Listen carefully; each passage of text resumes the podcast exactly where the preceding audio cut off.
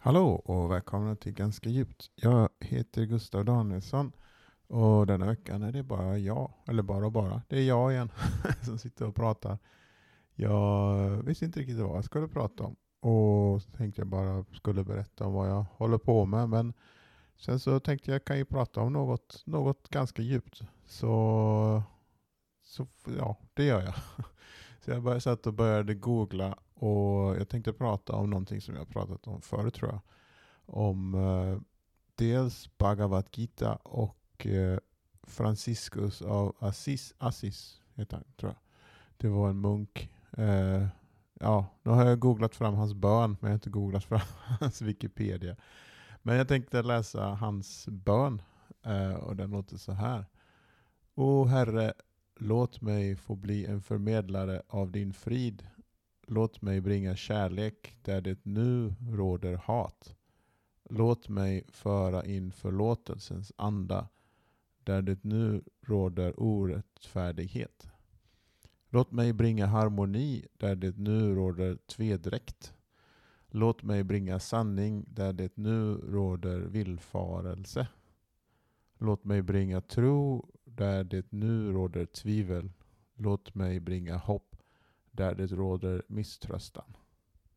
Låt mig bringa ljus där det råder mörker och låt mig bringa glädje där det råder sorg.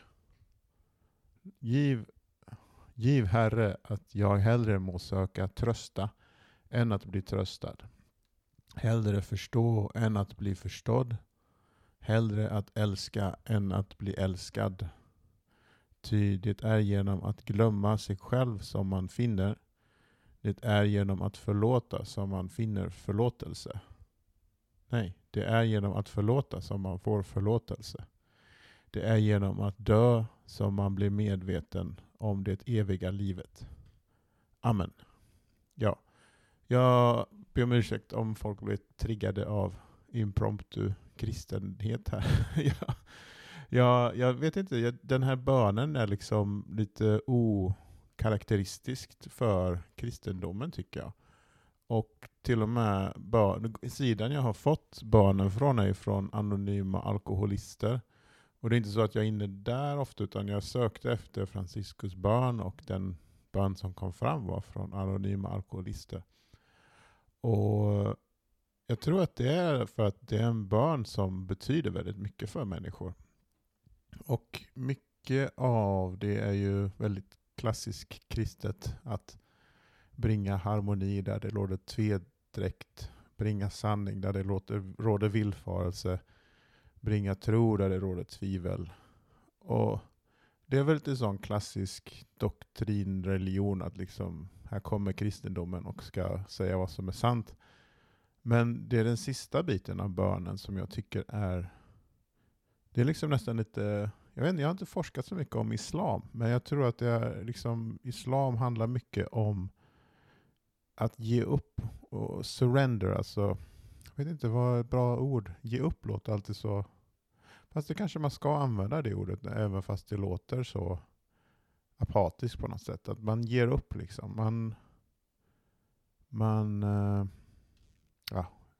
En, att en liksom... Ja, låter... Ja, nu ger jag upp helt enkelt. Jag känner att jag hittar inte det rätta ordet. Men liksom att en...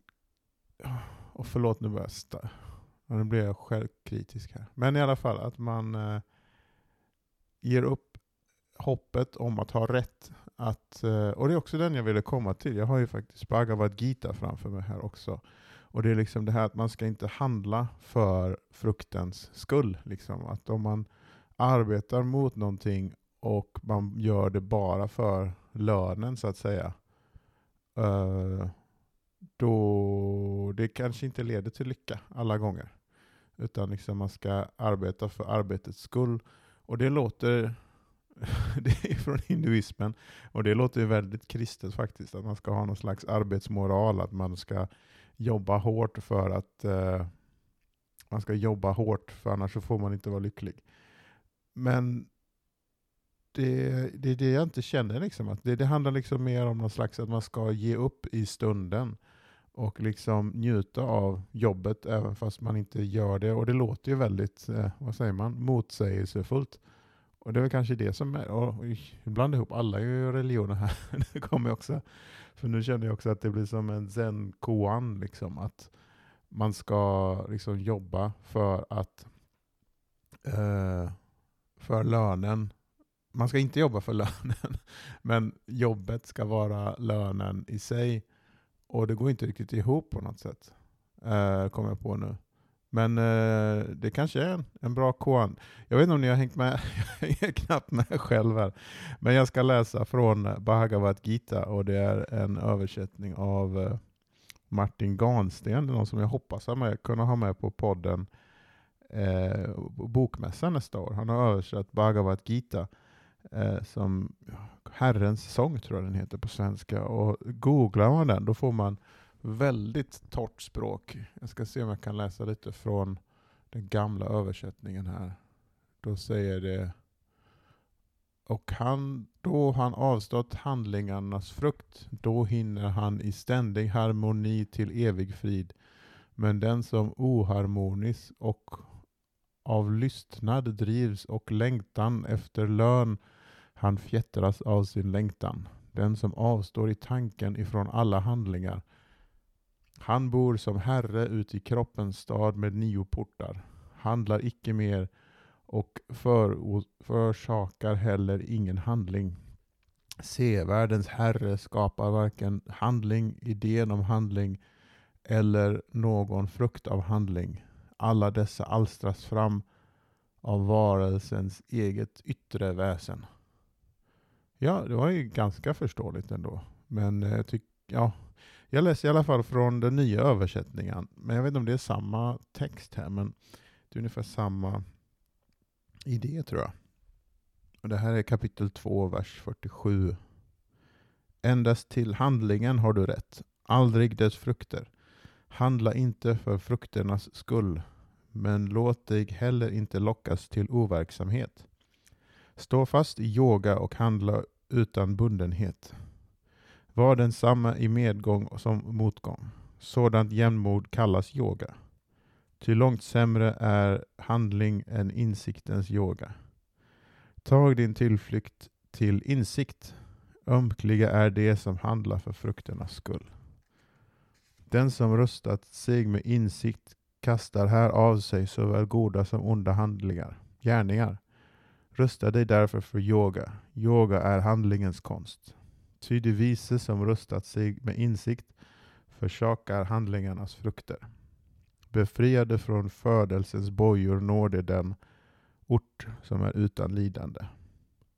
Då ditt förnuft genomträngs villfarelsens snårskog kommer du att förbli oberörd av allt du hört eller kommer att höra.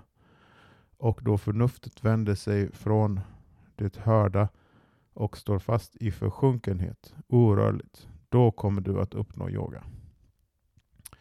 Ja, jag vet inte om ni uppnår yoga av att höra det här, men jag, jag vet inte. Jag tycker om sådana här gamla religiösa, eller jag vet inte om det man kan kalla dem för religiösa eller mystiska texter. Liksom.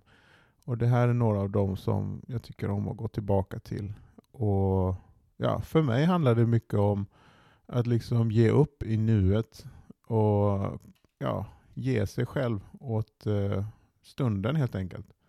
Och ja, det är då det brukar kännas okej okay i livet på något sätt. Och det är många gånger när jag blir upprörd och när jag är arg så att säga, då är det oftast en önskan från mig, tror jag, en rädsla inombords liksom att jag dels att andra har fel och jag har rätt, eller att det är att jag skulle bli bortglömd på något sätt. Jag vet inte om det ringer, eh, resonerar någonting. Men eh, i alla fall, jag har pratat en liten stund nu och jag hoppas att ni hängde med och att ni, ni fick någon behållning av det här. Jag kanske ska gå tillbaka och göra någon mer utförlig genomgång som kanske är lite mer underhållande. Eller jag vet inte. Det är det här podden är. Men jag, jag kommer återkomma nästa vecka med en ny gäst och eh, jag hoppas att ni har det bra och att sommaren det är kallt här, i, eller kallt och kallt, men det var typ 14 grader igår i mitten på juli. Så jag känner att det kan bli lite varmare. Men eh, jag hoppas ni mår bra och att ni tar hand om er. Och ja, vi hörs nästa vecka. Så ha det gott. Hej hej!